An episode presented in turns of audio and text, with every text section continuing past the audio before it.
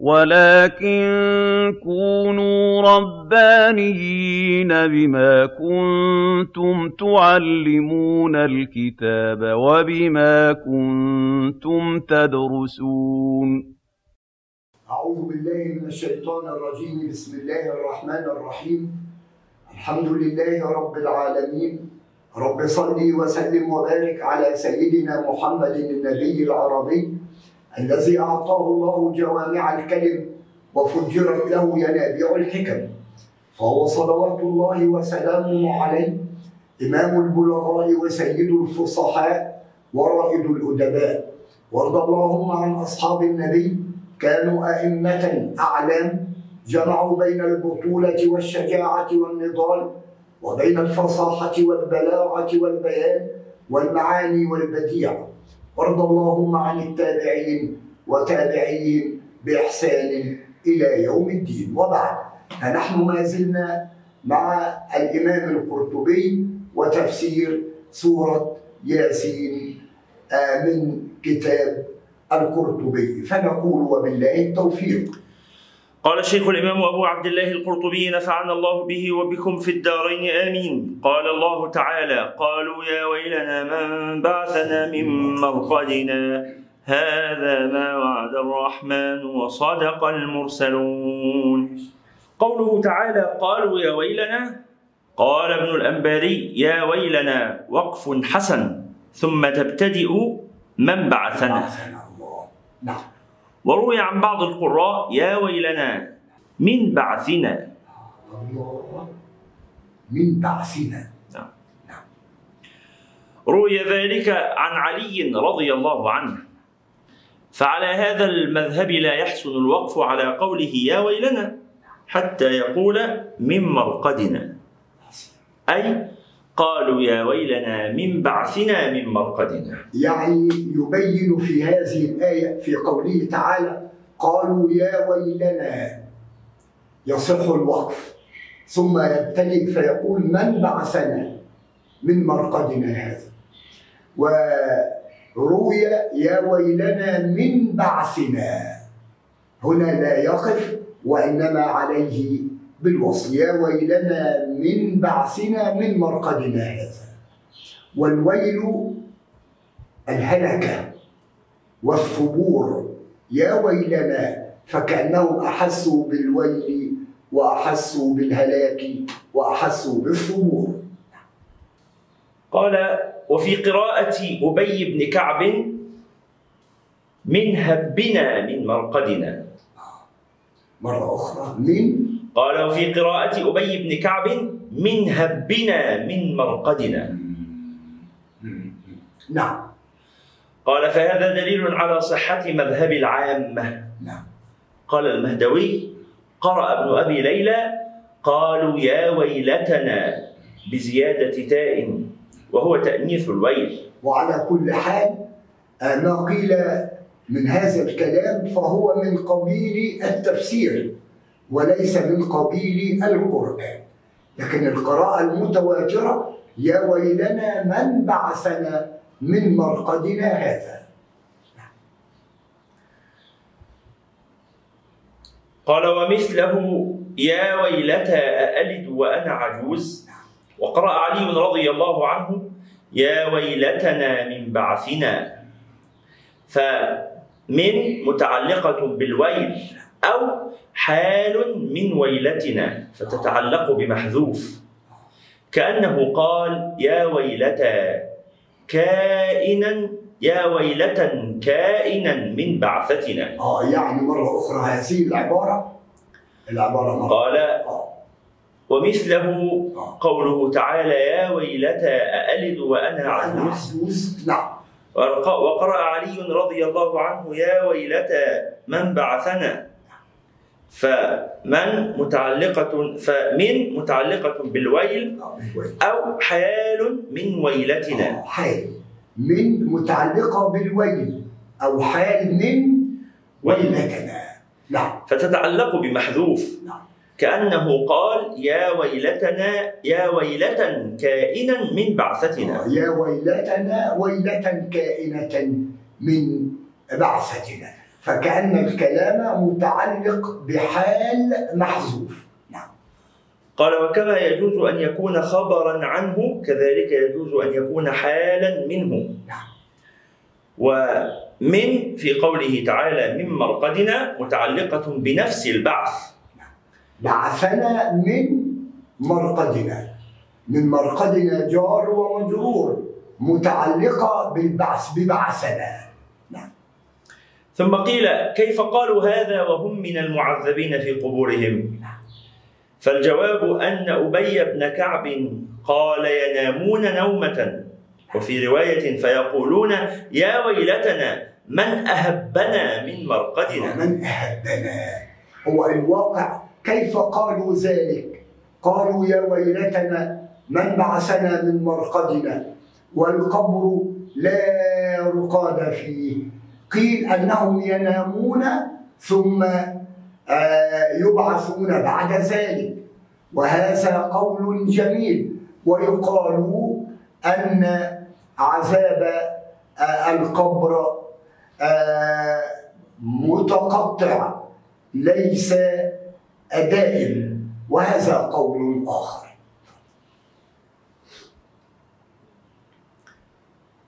قال وفي رواية فيقولون يا ويلتنا من أهبنا من مرقدنا. قال أبو بكر الأنباري لا يحمل هذا الحديث على أن أهبنا من لفظ القرآن كما قاله من طعن على القرآن. نعم. هذا أهبنا بمعنى يعني من باب التفسير وليس من باب آه، التلاوة؟ لأن ذلك ليس من القرآن. قال لا يحمل هذا الحديث على أن أهبنا من لفظ القرآن كما قاله من طعن في القرآن ولكنه تفسير بعثنا. أو معبر عن بعض معانيه. قال أبو بكر وكذا حفظته. من هبنا بغير ألف في أهبنا مع تسكين النون. مع تسكين نون من؟ نعم. يعني فما تصبح تبقاش من. آه نعم. من هبنا من هبنا نعم. قال والصواب فيه على طريق على طريق اللغة. من أهب آه، من؟ آه، من أهب من أهبنا. نعم. غريب. مش فاهم. قال والصواب فيه على على طريق اللغة. آه.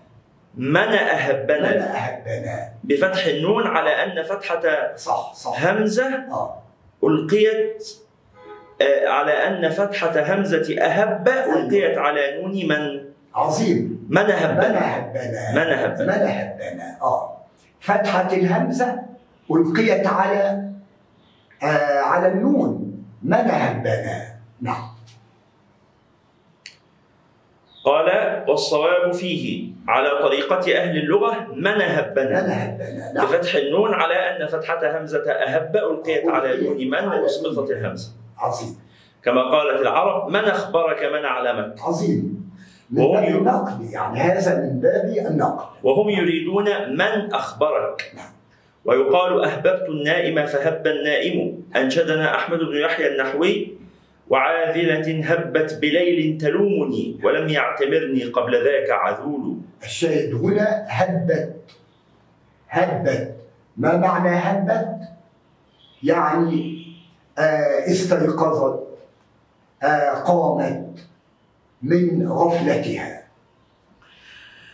قال وقال أبو صالح إذا نفخ النفخة الأولى أو إذا نفخ النفخة الأولى رفع العذاب عن أهل القبور وهجعوا هجعة إلى النفخة الثانية. نعم. وبينهما أربعون سنة. فذلك قولهم من بعثنا من مرقدنا. نعم. قاله ابن عباس وقتادة وقال أهلها أهل المعاني إن الكفار إذا عينوا جهنم وما فيها من أنواع العذاب صار ما عذبوا به في قبورهم. إلى جنب عذابهم كالنوم. الله وهذا رأي وجيه. يعني كأنهم لو شاهدوا عذاب الآخرة وقارنوا بينه وبين عذاب القبر لوجدوا فرقا شاسعا. كأنهم في القبر كانوا نيام. فعذاب القبر لا يقاس على عذاب الآخرة. واضح. قال قال مجاهد فقال لهم المؤمنون هذا ما وعد الرحمن. قال قتادة فقال لهم من هدى الله هذا ما وعد الرحمن. وقال الفراء فقالت لهم الملائكة هذا ما وعد الرحمن. هذه أقوال جميلة. أحب أن أقول في كلمة المرقد من بعثنا من مرقدنا الرقاد في الأصل هو النوم وأريد به هنا الموت. وهذا على سبيل الاستعارة. فكأن في الكلام استعارة تصريحية. شبه شبه الموت بالنوم. والجامع بينهما سرعة الانتباه. فهذه استعارة تصريحية.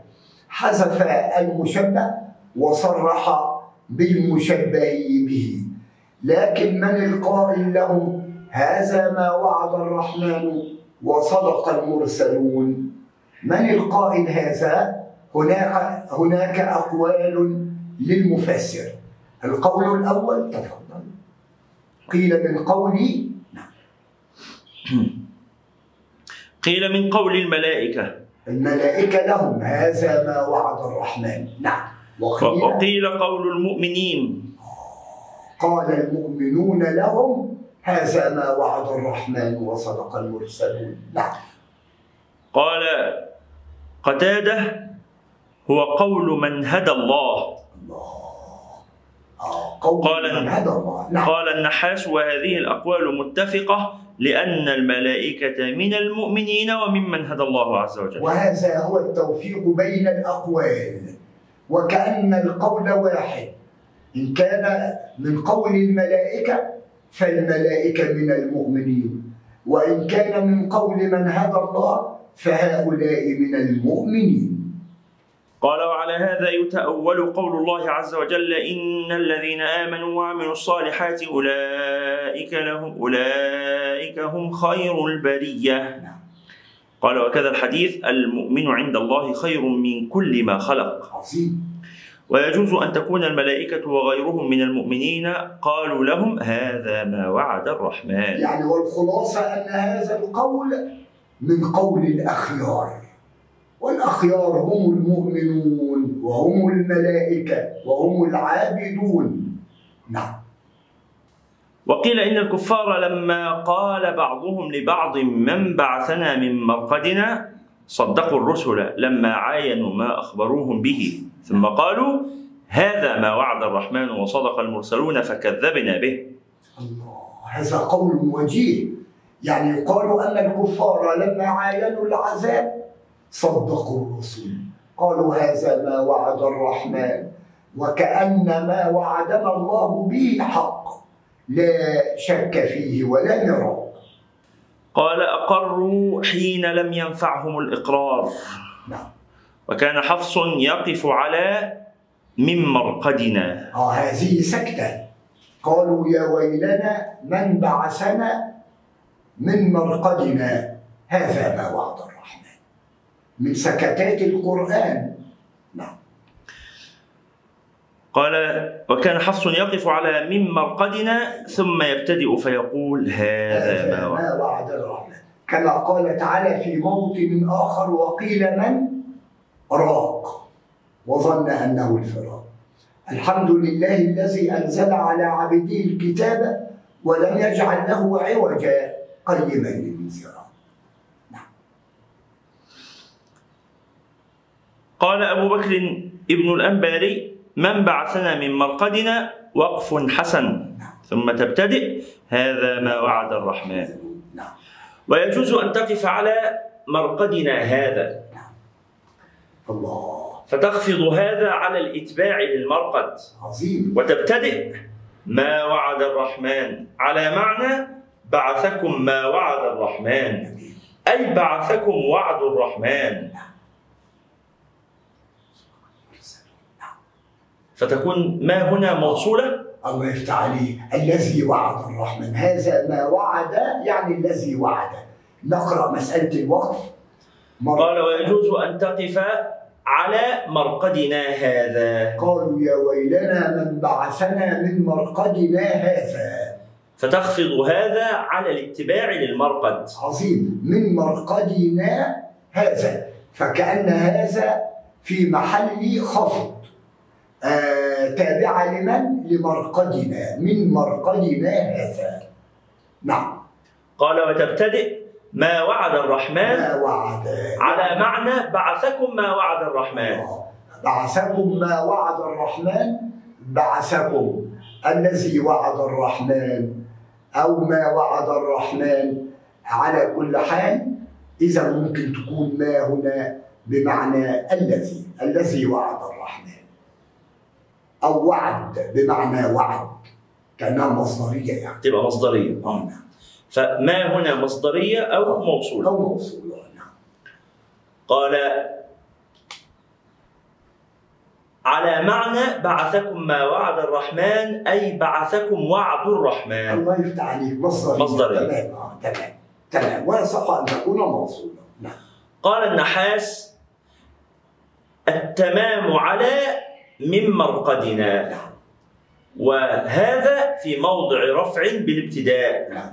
وخبره ما وعد الرحمن. هذا قول آخر. هذا ما وعد الرحمن. يعني هذا له إعراب آخر. قالوا يا ويلنا من بعثنا من مرقدنا. هذا نعرفه في موضع رفع بالابتداء. وأين الخبر؟ ما وعد ما وعد الرحمن. قال ويجوز أن يكون في موضع خفض على النعت لمرقدنا. مرقدنا.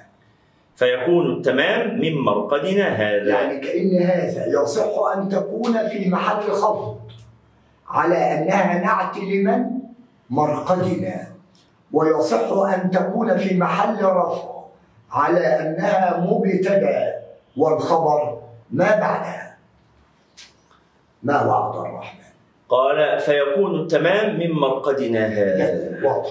نعم. ما وعد الرحمن في موضع رفع من ثلاث جهات. نعم. ذكر أبو إسحاق منها اثنتين قال يكون بإضمار هذا. تمام. والجهة الثانية أن يكون بمعنى حق ما وعد الرحمن بعثكم. الله.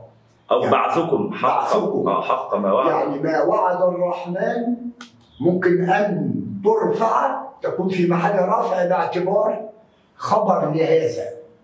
أو نقول أن يكون بمعنى بمعنى- حق ما وعد الرحمن أو أن تكون بإضمار هذا. هذا نعم.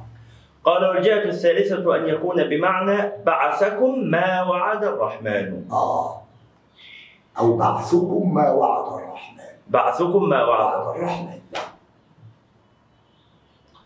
ثم قال إن كانت إلا صيحة واحدة فإذا هم جميع لدينا محضرون ونستأذن الشيخ أن نقرأها في اللقاء المقبل إن شاء إن الله شاء الله تعالى ونسأل الله مزيد التوفيق. هو الذي بعث في الأميين رسولا منهم يتلو عليهم آياته ويزكيهم ويعلمهم الكتاب والحكمة وإن كانوا من قبل لفي ضلال مبين.